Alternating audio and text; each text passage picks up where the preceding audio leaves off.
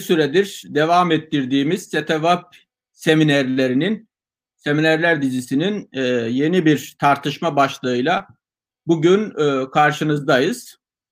Uzun süredir e, SETA araştırmacıları e, COVID meselesini, e, koronavirüs meselesini, koronavirüs sonrası dünya düzenini, e, düzenleri, e, ekonomileri, siyasetleri, uluslararası ilişkileri, çatışma, e, uluslararası çatışma e, süreçlerini yani farklı konuları tartışıyorlar.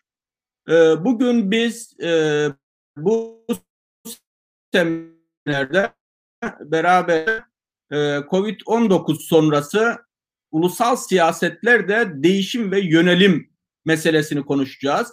Uzun süredir zaten e, uluslararası siyaset boyutu, küresel düzendeki e, değişim, yönelim boyutu farklı e, bakış açılarından, farklı başlıklar üzerinden tartışılıyor. Biz bugün biraz e, tabii ki uluslararası düzendeki e, değişim ve dönüşüm tartışmalarına da bakarak biraz daha ulusal siyasetlerde, devlet bazında e, ne tür değişim ve yönelimler var? Bu konularda e, tartışmaların ağırlık merkezleri nereye doğru gidiyor? e, hangi eğilimler ağır basıyor? Biraz e, bunu e, konuşmak istiyoruz. Kuşkusuz uzun süredir kapalı ortamlarda çevrim içi hayatlar yaşıyoruz aslında. E, kapalı ortamlarda olduğumuz için de bu çevrim içi e, hayatlardan birçok tartışmayı e, özellikle e, teknolojinin getirdiği imkanlarda izliyoruz. Birçoğumuz oturduğumuz yerden bu tartışmalara katkı sunuyoruz. Dünyanın geleceğine yönelik olarak, e, yeni düzene yönelik olarak e, farklı hususları da e, kendi görüş açılarımızdan değerlendiriyoruz.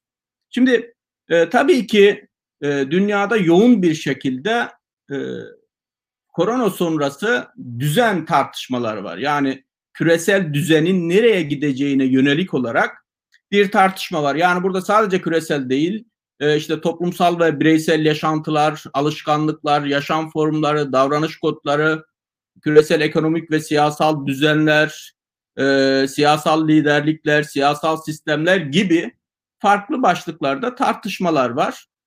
Ve bu tartışmaların e, içeriğine baktığımız zaman birçok tartışma aslında tartışanın kendi e, ideolojik konumlanması e, üzerinden e, sadece kendi görüşünün kendi durduğu yerin bir hakikatmiş gibi e, sunulması üzerinden yapılıyor. Yani aslında e, bu korona sürecinin belirsizliği hem tedavi anlamında hem de ileriye yönelik olarak nasıl bir e, sürecin ortaya çıkacağı ile ile ilgili belirsizlik bu e, görüşleri hatta birbiriyle çatışan görüşleri de e, haklılaştırma imkanı sunuyor.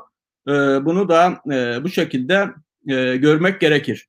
Şimdi e, ulusal e, siyasetlerdeki değişim ve dönüşüm tartışmasını iyi anlayabilmek için aslında e, korona sonrası bu küresel sistemdeki dönüşümleri, e, eğilimleri e, tartışanların e, odaklandıkları e, belirli konular var. Ya da e, dönüşüm tartışmalarını üç farklı başlık üzerinden genelleyebileceğimiz bir çerçeve var. Bunlardan birincisi e, radikal dönüşümcüler. Yani diyorlar ki aslında bildiğimiz dünyanın sonu e, hiçbir şey eskisi gibi olmayacak ve dolayısıyla da bugüne kadar e, risk kuramcılarının söyledikleri gerçekleşti e, ve e, dolayısıyla da artık kapitalizmin getirmiş olduğu bu sistem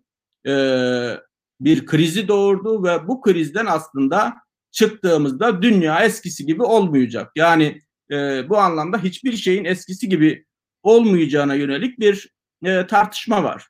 Şimdi bu radikal e, değişimcilerin e, tabii ki iki boyutu var. Dünyaya sol taraftan bakanlar bütün kötülükleri liberalizm ve kapitalizm üzerinden bakarak hatta işte yeni bir tür sosyalizmlerin falan ortaya çıkacağı gibi ya da gizli kalmış bir komünizmin uyandığı gibi e, safsataya varan tartışmaları da e, yaptıklarını görüyoruz. E, liberal bir yerden dünyaya bakanlar ise e, evet e, liberal düzenin, kapitalist düzenin e, bu süreçte çeşitli sorunları var ama e, bu krizin derinleşmesinde, çözümünün geç kalmasında e, mevcut düzenin birçok sorunu var ama bu sorun liberalizmin e, ya da liberal ekonomilerin kendiliğinden değil, daha çok bu alanda uzun süredir tartışılan ama bir türlü gerçekle bir türlü gerçekleştirilemeyen reformların e, ertelenmesiyle e, doğrudan ilgili olduklarını söylüyorlar ve e, ardından da yine bir çözüm bulunacaksa dünyada bir değişim dönüşüm tartışması olacak. Yine e, liberalizm e, üzerinden olacağını söylüyorlar. E, dolayısıyla birinci grup bu radikal dönüşümcüler. Yani dünyanın e, koronadan sonra eskisi gibi olmayacağını söyleyenler. İkinci bir e, daha çok e, aslında e, tartışmanın da odaklandığı yer ikinci grup bence e, bu süreçte. Bunlar da dönüşümcüler e, diyebileceğimiz bir e, kesim. Bunlar diyor ki evet e, dünyanın bir e, değişimden, dönüşümden geçtiği ve korona sürecinin e, Covid-19'un dünyaya, insanlara, ekonomilere, toplumlara, siyasetlere etkisinin ortaya çıkardığı sonuç değişimleri beraberinde getirecek. Belirli dönüşümleri ortaya çıkaracak. Ama bu öyle zannedildiği gibi tarihsel bir kırılma falan değil. Olan şudur diyorlar. Zaten e, neoliberalizm yavaş yavaş ölmekteydi. E, ulus devletlerin e, yeniden e, güçlenme eğilimi başlamıştı. E, küresel hegemonya savaşında güç, gücün batıdan e, uzak Asya'ya, Doğu Asya'ya kaydığına yönelik olarak zaten uzun süredir e, bir belirli bir tartışma çerçevesi vardı. Milliyetçilikler, yabancı düşmanlıkları, popülizm, e, çok kültürlülüğe e, karşı ortaya çıkan sorgulamalar, uluslararası güven, uluslararası kurumlara güvensizlik gibi e, hususlarda zaten bir sorgulama vardı, bir dönüşüm vardı ve bu alanlarda bir değişim yaşanıyordu. Dolayısıyla bu e, korona süreci, bu kriz, bu pandemi e, aslında bu başlıklarda yaşanan dönüşümü, değişimi bir hızlandırıcı göre, görev görecek. Dolayısıyla belki burada değişimin yönü e, ya da kapasitesi e, daha önceden farklılaşacak, büyüyecek ama öyle çok büyük bir e, tarihsel e, kırılmadan da e, bahsetmeye gerek yok diyorlar. Tabii bu koronavirüs sonrası küresel düzen, dünya düzeni tartışmalarında üçüncü bir yaklaşım e, aslında bu e, küreselleşme tartışmalarında da karşımıza çıkan e, bir sınıflandırma aslında. Kuşkucular diyebileceğimiz e, bir kesim. Bunlar daha çok diyorlar ki ya aslında hani siz dünyada işte güç dağılımlarında dönüşüm olacak, sınırlar kapanacak, ulus devletler içerisine çekilecek, işte milliyetçilikler, işte millileşme, yerelleşme meseleleri gündemin ortasına gelecek ama e, aslında bu konularda öyle sizin beklediğiniz gibi olmayacak. İşte ABD'nin küresel liderliği bir şekilde öyle ya da e, böyle devam edecek e, ve e, zaten kapitalizmler ya da kapitalizm kendi krizlerinden beslenir. Bu krizden de güçlenerek güçlenerek güçlenerek çıkacağını söylüyorlar. Dolayısıyla yani e, dünyadaki bu düzen tartışmaları, değişim tartışmaları ve korona sonrasına yönelik eğilimleri bu e, üç e, ana başlıkta belirtmemiz gerekir. Kuşkusuz e, yani bu süreç belirsizlikler içeriyor. Hızlı bir e, değişim süreçleriyle karşı karşıyayız aynı zamanda. Bundan dolayı da çoğu zaman bu sınıflandırmaya çalıştığım görüşler güncelleniyor. Örneğin e, koronavirüs ilk Çin'de ortaya çıktığında e, işte otoriter devletlerin bu süreçleri yönetemedikleri ve şeffaf olmadıkları için e, salgının hızla yayıldığını İran üzerinden, Çin üzerinden örneklendirenler, sonradan ya da bu süreçlere yeterli hazırlığı yapmadığı için bu devletleri suçlayanlar, sonradan Batı'da da yani Avrupa ve e, Kuzey Amerika'da da benzer görüntüler ortaya çıkınca yani hem e, salgın e, hastalığa e, yönelik olarak salgına yönelik bir hazırlık yapılmaması hem de devlet kapasitelerinin aslında bu krizlerle yeterince mücadele edemez ed, e, edil, e, edilememesi neticesinde bu e, güç e, merkezi ya da gücün e, e, Asya'da ya da Batı'da olup olmaması tartışmasında birden Çin tekrar öne çıktı. Çünkü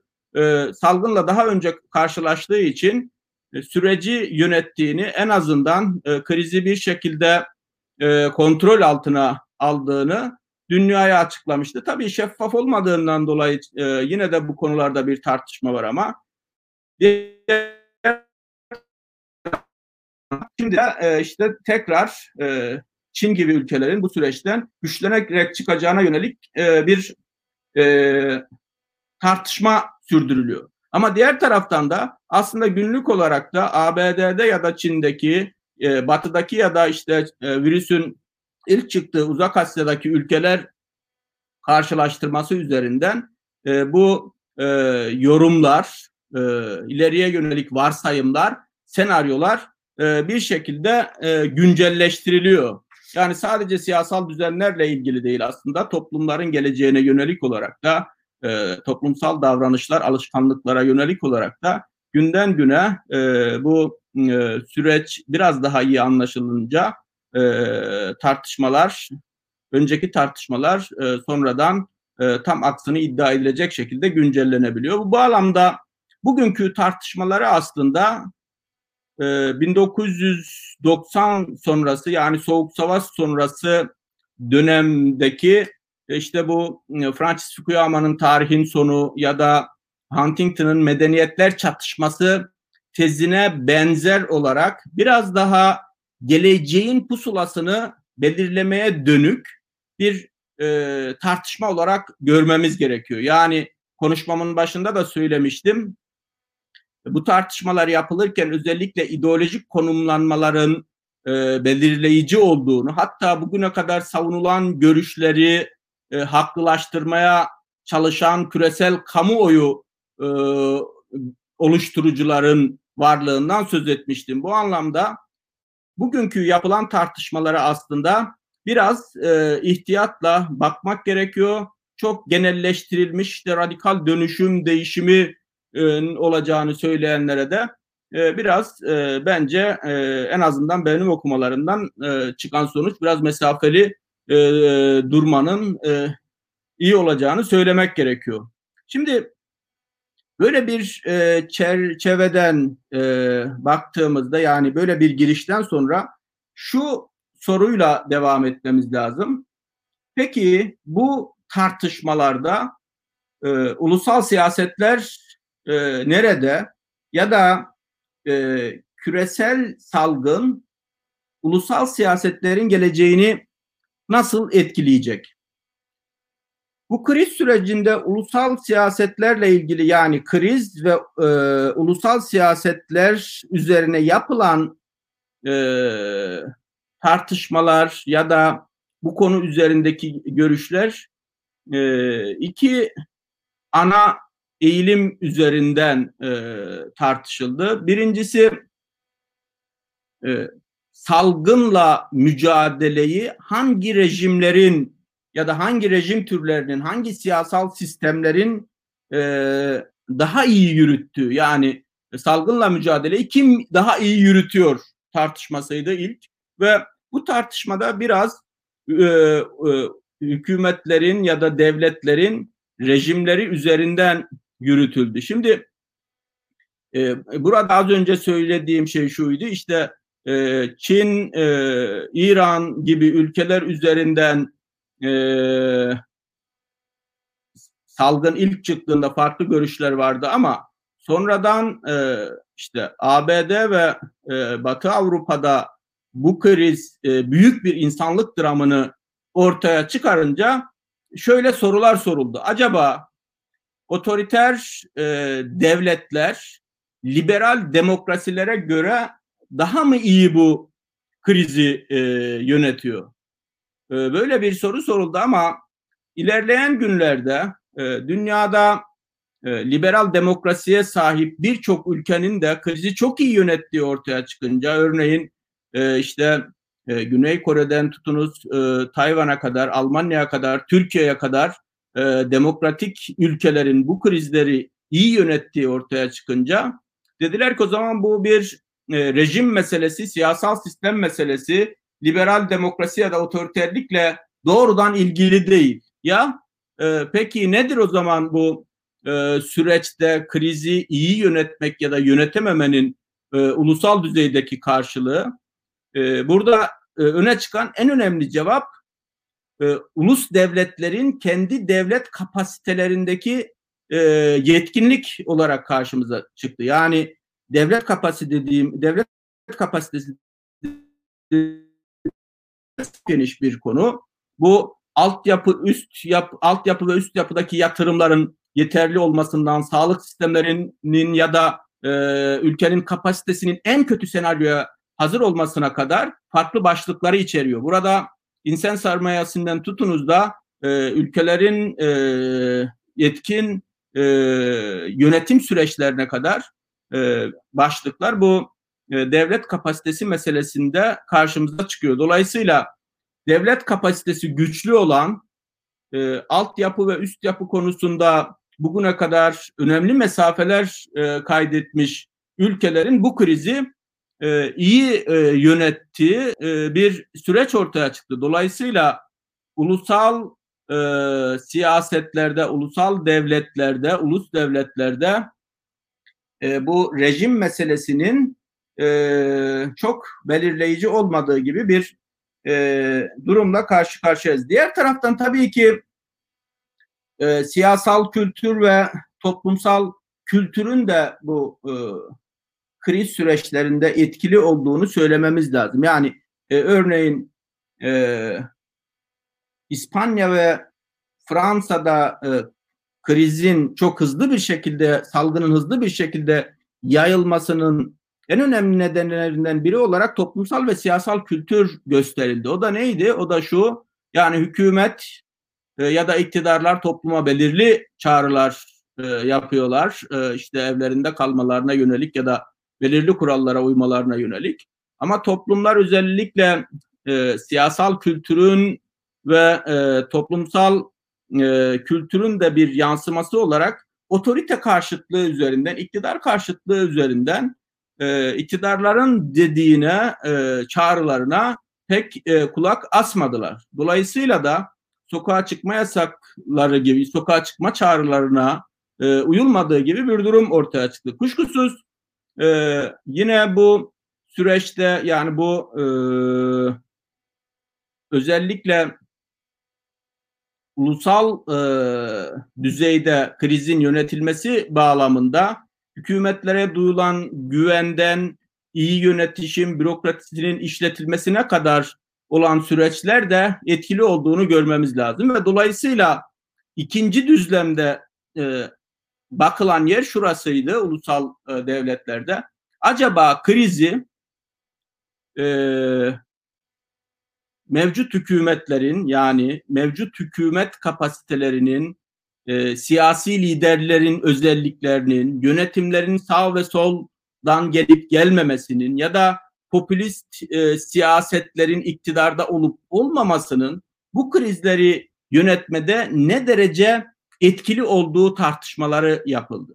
Ve bu anlamda da e, bu tartışma üzerinden ortaya çıkan genel çerçeve e, bundan sonraki süreçlerde özellikle e, siyasal liderliklerin yani toplumla kendi arasında bağ kuran, güven duyulan siyasal liderliklerin e, önemli olduğu, bu anlamda da popülist liderlerin e, krizle mücadele edebilecek bir siyaset kapasitesine sahip olmadığı için e, bu süreçleri yönetilemediği gibi bir durum ortaya çıktı. Dolayısıyla bu iki e, düzlem üzerinden biz e, bundan sonraki süreci biraz analiz etmemiz lazım. Yani e, aslında e, salgının insanlar ve toplumlar üzerindeki etkisi e, farklı ülkelerde benzer şekildeydi.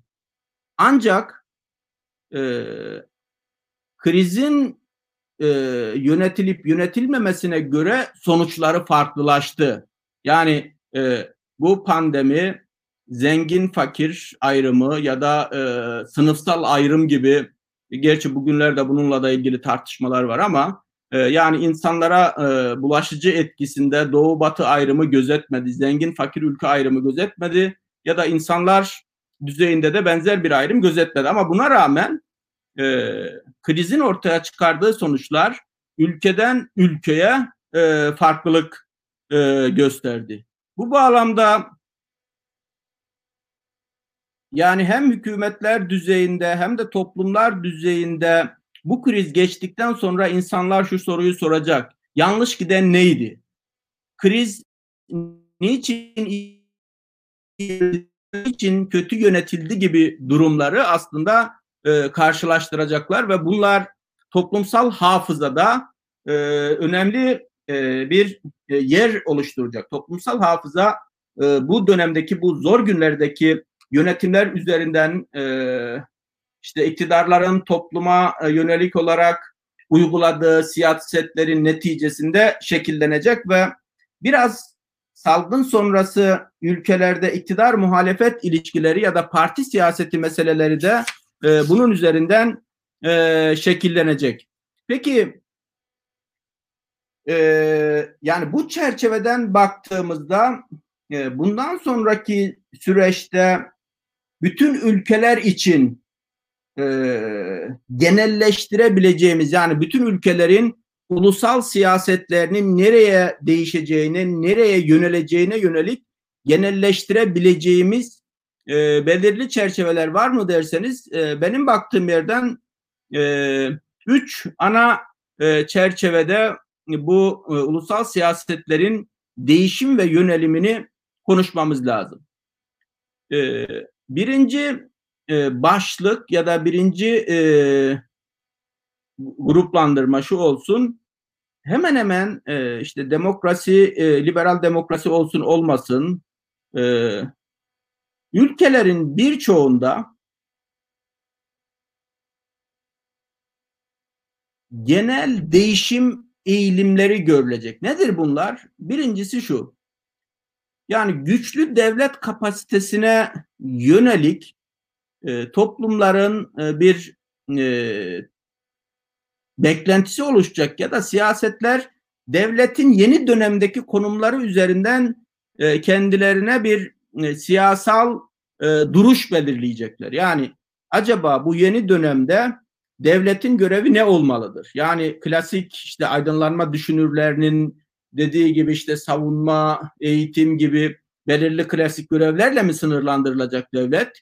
Yoksa e, işte tedarik zincirlerinin oluşturulmasından yatırımların hangi alana yapılacağına kadar e, devletin birçok e, sahada, piyasada etkin olup olmaması meselesi ulusal siyasetlerin tartışma konularından e, birisini oluşturacak. E, ikinci olarak bu genel değişim düzeyinde e, işleyen sistem e, etkin ve güvenilir yönetimin ne olduğuyla ilgili olarak da yine ülke işlerinde bir sorgulama başlayacak ve bunun üzerinden iyi işleyen sistem e, etkin ve güvenilir yönetimler e, bu anlamda e, öne e, çıkacak. Bir üçüncü bu genel e, değişim başlarının içerisinde millileşme ve yerleşme meseleleri de yine ulusal siyasetlerde e, tartışılacak. Bilindiği gibi bu kriz sürecinde e, en önemli tartışma başlıklarından birisi e, ülkelerin e, kendi kendine yeterlilikleri yani birçok alanda kendi kendilerine yeterlilikleri ya da e, tedarik zincirlerinde e, kopuş olup olmaması meselesinden bu süreçler tartışıldı. Dolayısıyla da e, yerlileşme ve millileşme meselesi bundan sonraki süreçte e, işte en e, liberal ülkelerin bile e, tartışma konularının e, başında gelecek. Siyasetler, siyasal partiler, muhalefetler, iktidarlar e, bu meseleleri gündemine alacak. Tabii ki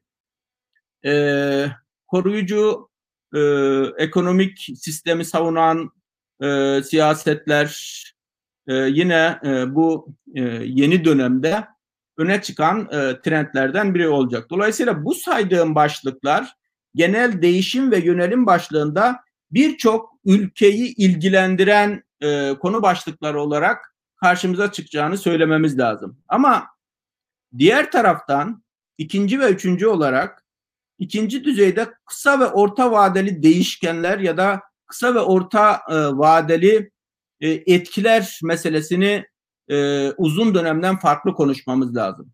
Kısa ve orta vadeli değişkenler biraz bu kriz sürecinden e, doğrudan bu kriz sürecinin ortaya çıkardığı sonuçlar, tortular e, kısa dönemde belirleyici olacak. Yani ne demek istiyorum biraz somutlaştırırsam e, herhangi bir ülkedeki siyasi liderlikler, mevcut yönetimler eğer krizi iyi yönettiyse kriz sonrası süreçte e, mevcut iktidarda krizi iyi yöneten siyasetlerin söylemleri, icraatları ve toplumsal karşılıkları bence devam edecek. Ama diğer taraftan işte e, popülist söylemlerle iktidara gelmiş, e, işte e, belirli işte yabancı düşmanlığı gibi, milliyetçilik gibi belirli duyguları e, merkeze e, koyarak işte e, Avrupa'da son dönemde yükselen radikal e, sağ ve popülist siyasetleri e, gördük, yükseliyorlardı ve merkez siyasetleri de bu anlamda popülist söylemlere e, e, yöneltmek zorunda bırakmışlardı. Ve dolayısıyla da bu tip siyasetler de yani krizi iyi yönetemeyen e, siyasetler, siyasal partiler, e, siyasal liderlikler e, bence krizden sonra e, düşüşe geçecek. E, ve e, bunun yerine insanlar e, herhangi bir kötü durumda, bir kriz anında ülkelerini sulh ve selamete çıkarabilecek e, siyaset arayışlarına girecekler. Dolayısıyla bu kısa ve orta vadeli değişken dediğim mesele bugünkü ülkelerin mevcut siyaseti üzerinden şekillenecek. Yani kriz dönemindeki siyasetler iktidar muhalefet ilişkilerini krizi iyi yönetip yönetememeye e, göre e, şekillenecek.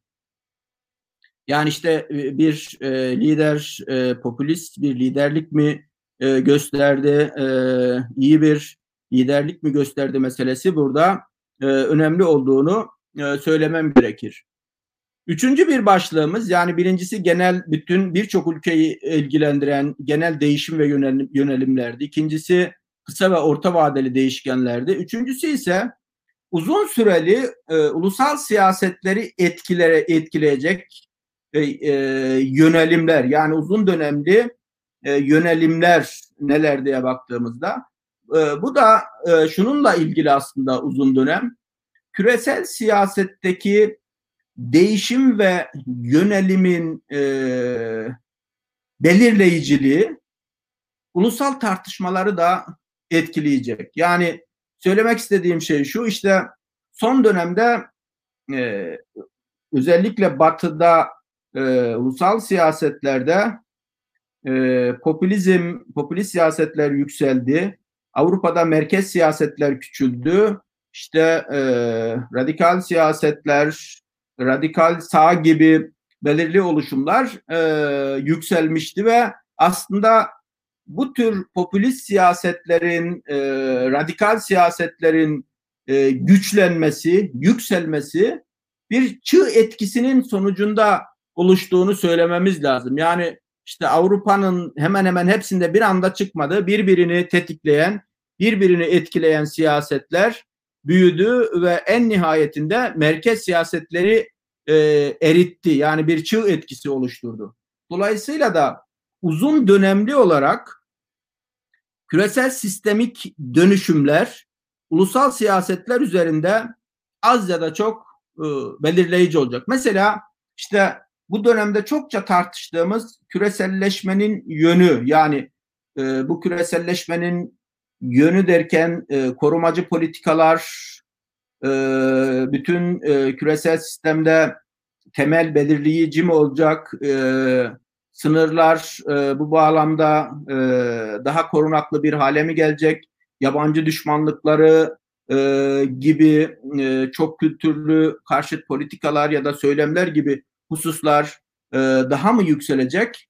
E, yoksa hani bu e, alanlarda daha makuliyete yönelik olarak bir siyaset mi ortaya çıkacak meselesini bugün tartışıyoruz. İşte burada yönelimin ya da değişimin e, yönüne göre küresel düzendeki değişimlerde e, ulusal e, siyasetleri e, uzun dönemli e, olarak etkileyecek. Ama toparlarsak en nihayetinde bu kriz süreçleri, krizi iyi yönetip yönetememe meselesi üzerinden e, ve bu krizin ortaya çıkarmış olduğu e,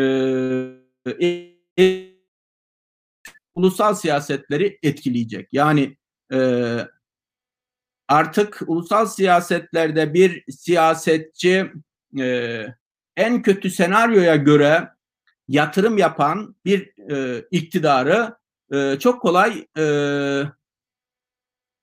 eleştiremeyecek.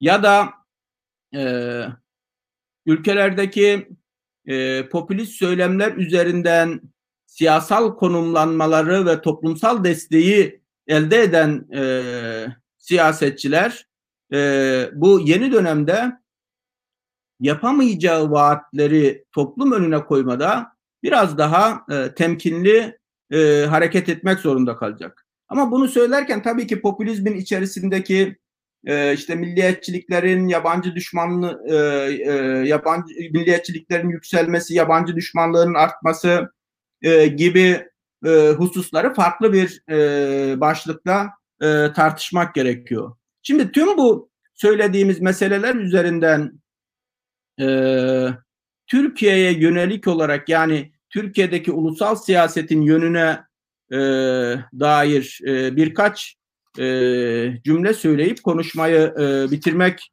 e, istiyorum. Şimdi bu süreçte e, yani korona sonrası ulusal siyasetlerin nereye evrileceğine yönelik olarak en önemli e, e, ortaya çıkan sonuç e, güçlü devletin tekrar geri döndüğü meselesiydi ya da geri döneceği meselesiydi. Dolayısıyla bu açıdan baktığımızda aslında son yıllarda özellikle Türkiye'de e, devletin e, güçlenmesine yönelik olarak e, birçok e, adımın e, atıldığını ya da reformun yapıldığını söylememiz lazım. E, yani burada aslında daha önceden başlayan bir hani devletin birçok alanda e, işte örneğin sağlık sektörünü e, ele aldığımız zaman bugün için en önemli başlıklardan birisi bu alanda muazzam e, yatırımlar e, yaptığını biliyoruz. Dolayısıyla da e, burada aslında zaten e, Türkiye açısından bir yönelim oluşmuştu. Diğer taraftan e, yine korona sonrası yerleşme ve millileşmenin e, artacağına yönelik küresel düzeyde artacağına yönelik olarak bir öngörü var, bir varsayım var. Bu bağlamda da zaten son e, 5-6 yıllık dönemde Türkiye gündemini iktidar muhalefet ilişkileri açısından, siyaset e, açısından e, etkileyen önemli başlıklardan birisi bu yerleşme ve e, millileşme e, meselesiydi. Diğer taraftan hükümetlerin etkinliği ve e, siyasal liderlere güven meselesini de e, Türkiye güven meselesine de Türkiye açısından baktığımızda karşımıza suç çıkıyor. Türkiye bir e, sistem değişimi yaptı ve bu sistem değişiminin e, kurumsal ve e, yasal çerçevesi aslında hükümetleri etkin e, olmaya e, ya da hükümetlerin etkinliğini artırmaya yönelik olarak bir e, araçsal çerçeve ortaya çıkarıyor. Dolayısıyla e, bu açıdan baktığımızda da Türkiye'deki sistem değişiminin e, ardından kararların hızlı alınmasından bürokrasinin işletilmesine, e, kriz yönetiminin e, etkin bir şekilde yapılmasına kadar birçok başlıkta aslında e, adımların atıldığını ya da atılmaya başladığını söylememiz gerekiyor. Bu bağlamda kriz sonrası e, dünyada ulusal siyasetlerdeki trend Türkiye'de biraz e, önce e, yani krizden önce son birkaç senedir e, başladığını e, belirtmemiz gerekiyor. Ben burada e, en azından seminerin genel sunumunu e, sonlandırayım. Eğer e, sorusu olan varsa e, cevaplayabilirim. Şöyle sorulara bakalım.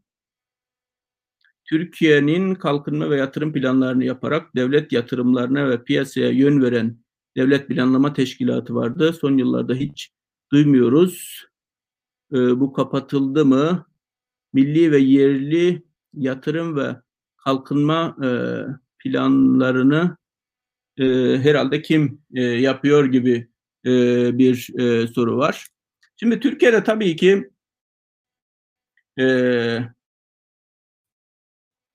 özellikle siyasal sistemin yapa, e, değiştirilmesinden sonra e, devlet ve kurumlar e, yeniden yapılandırıldı. E, dolayısıyla da e, birçok kurum birleştirildi, e, birçok kurum e, yeniden fonksiyonel hale getirildi e, ya da belirli dağınık e, görevler belirli kurumlarda toplantı toplandı. Dolayısıyla da e, devlet planlama teşkilatı başta olmak üzere buna benzer kurumlar bu e, siyasal sistem değişimi ardından e, belirli bakanlıklarda yeniden e, işlevsel hale getirerek e, aslında e, görevlerine devam ediyorlar. Dolayısıyla da bugün için adı Devlet Planlama Teşkilatı olmasa bile e, bu e, yapının e, e, bakanlık altında e, devam ettiğini söylememiz lazım. Çin ve ABD ilişkileri nasıl ilerleyecek? Öngörülerinize göre ayrıca ülkemiz açısından bu kriz küresel anlamda fırsata döndü diyebilir miyiz? E, bu daha önceki e, SETA seminerlerinin en önemli e, konularından biriydi. E, az önce konuşmamın başında da söyledim. Bu Çin ve ABD arasındaki e, güç e, dağılımı meselesinde e, aslında bugün için e, temel tartışma hala işte küresel liderliğin e, batıdan e, doğuya mı e, kayacağı ya da daha önce başlayan bu e, güç e, kayma meselesinin e, yeni bir e, formla ya da yeni bir süreçle yeniden şekillenip şekillenmeyeceği meselesi tartışılıyor. Dolayısıyla da burada ABD'nin küresel liderliğini bu süreçte e, yapamadığına yönelik olarak e, yoğun bir tartışma var.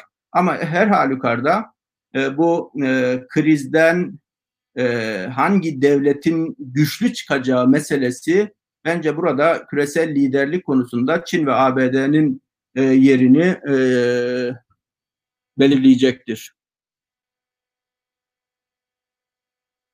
Korona süreci sonrasında uluslararası kurum ve kuruluşların yapısı sizce değişikliğe uğrayacak mı veya kurumlar veya kurumlar merkez değişikliğine gidebilir mi? Yani bu kriz öncesinde de zaten e, uluslararası kurumlara yönelik olarak bir sorgulama e, başlamıştı. Bu kriz sürecinde de özellikle Avrupa'da işte e, ulusüstü bir e, birlik olan Avrupa Birliği'nin ulusal devletlere yeterince yardım etmediği e, ve kriz sürecinde kendisinden beklenen fonksiyonu e, yerine getiremediğine e, dair e, birçok ülkeden farklı suçlamalar yönetildi. Zaten e, Birleşmiş Milletler gibi kurumlar e, uzun süredir e, özellikle e, belirli ülkelerin belirleyici olması üzerinden dünya beşten büyüktür tartışmasında ya da sorgulamasında olduğu gibi uluslararası kurumların işlevleri tartışılıyordu. Yine bu süreçte e, Dünya Sağlık Örgütü'ne yönelik olarak e, özellikle Trump'ın e, çeşitli suçlamaları var. Dolayısıyla yani burada iki görüş var. Birinci görüş e, bu süreçte e, daha önceden uluslararası kurumlara yönelik olarak başlayan e, sorgulamaların bu süreçte daha da derinleştiği ve bu sorgulamanın devam edeceği. Diğer taraftan da aslında e, bu tip krizlerin ulus devletler düzeyinde tek başına çözülemeyeceği ve küresel dayanışmanın uluslararası kurumlar nezdinde e, yeniden e, ortaya çıkarılması gerektiği gibi e, farklı görüşler de var. E, dolayısıyla e, benim baktığım yerden bundan sonraki süreçte uluslararası kurumlara yönelik olarak sorgulamalar biraz daha artacak ama en nihayetinde e, bu kurumların e, e, ya işlevsiz birçoğu evet e, yine devam edecek ama e, işlevsiz olarak bir yerlerde duracak ya da kendini güncelleyerek, reforma ederek e, yeni döneme e, adapte etmek zorunda kalacak. Cumhurbaşkanlığı sisteminin bu kriz dönemindeki etkisi ile eski parlamenter sistemin etkisini mukayese eder misiniz? Eski sistemde olunsaydı kurumlar arası iletişim e, nasıl ilerlerdi? Aslında önemli e, bir soru. E, benim baktığım yerden e, bu e, kriz süreçlerinde yeni hükümet sisteminin e, büyük bir e, katkısı oldu. Şimdi son dönemlerde Türkiye sürekli krizle uğraşan e, krizlerle yüzleşti. İşte 2010'larda başlayan e, büyük krizler, e, işte e, Gezi Parkı eylemleri, e, 17-25 e, Aralık FETÖ'cü e, yargı ve emniyet darbe girişimi, ardından e, Hendek e, terörü süreci, e, çoklu terör örgütleri terör örgütlerinin birlikte Türkiye'ye yönelik saldırıları 15 Temmuz ve ardından e, işte e, sınır ödesi harekatlara kadar Türkiye aslında son dönemde sürekli büyük krizlerle uğraştı ve bu krizlerin e, üstesinden e, gelme kabiliyetini gösterdi. Dolayısıyla burada bir e, siyasal öğrenme ve kriz yönetim becerisi var. Ama bütün bu beceriyi bence e, bu beceriyi e, iyi bir şekilde ileriye taşıyan e, en önemli araçsal çerçeve bence Cumhurbaşkanlığı e, hükümet sisteminin e, e, kabul edilmiş olması. Yani bu dönemde bütün bakanlıklar e, hızlı bir şekilde koordine olabiliyor. Bürokrasi e, yine bu kriz süreçlerinde hızlı bir şekilde harekete geçirilebiliyor. E, aynı zamanda e, bakanlıklar arasında, kurumlar arasında e, iletişim stratejilerine varıncaya kadar her şey çok hızlı bir şekilde devreye sokulabiliyor ve en nihayetinde de e, Cumhurbaşkanı sistemde yürütmenin başı olarak da bütün süreçlere e, bütün süreçleri bir şekilde e, hem kontrol edebiliyor hem e, alınacak kararları e, daha da hızlandırabiliyor. Dolayısıyla Türkiye'de kurumların etkinliğinin artırılması, karar mekanizmalarının e, hızlandırılması gibi başlıklarda e, Cumhurbaşkanlığı sisteminin e, önemli olduğunu vurgulamamız gerekir. E, aynı zamanda e, özellikle sistem değişimi üzerinden sistemin değişimiyle birlikte devletin yeniden yapılandırılması, dijital altyapıya yönelik olarak yapılan muazzam yatırımların da bu e, kriz sürecindeki olumlu e, etkilerini e, gördüğümüzü söylemem gerekir. Evet, e, başkaca sorular var ama bunlar daha çok meselenin uluslararası boyutlarıyla ilgili.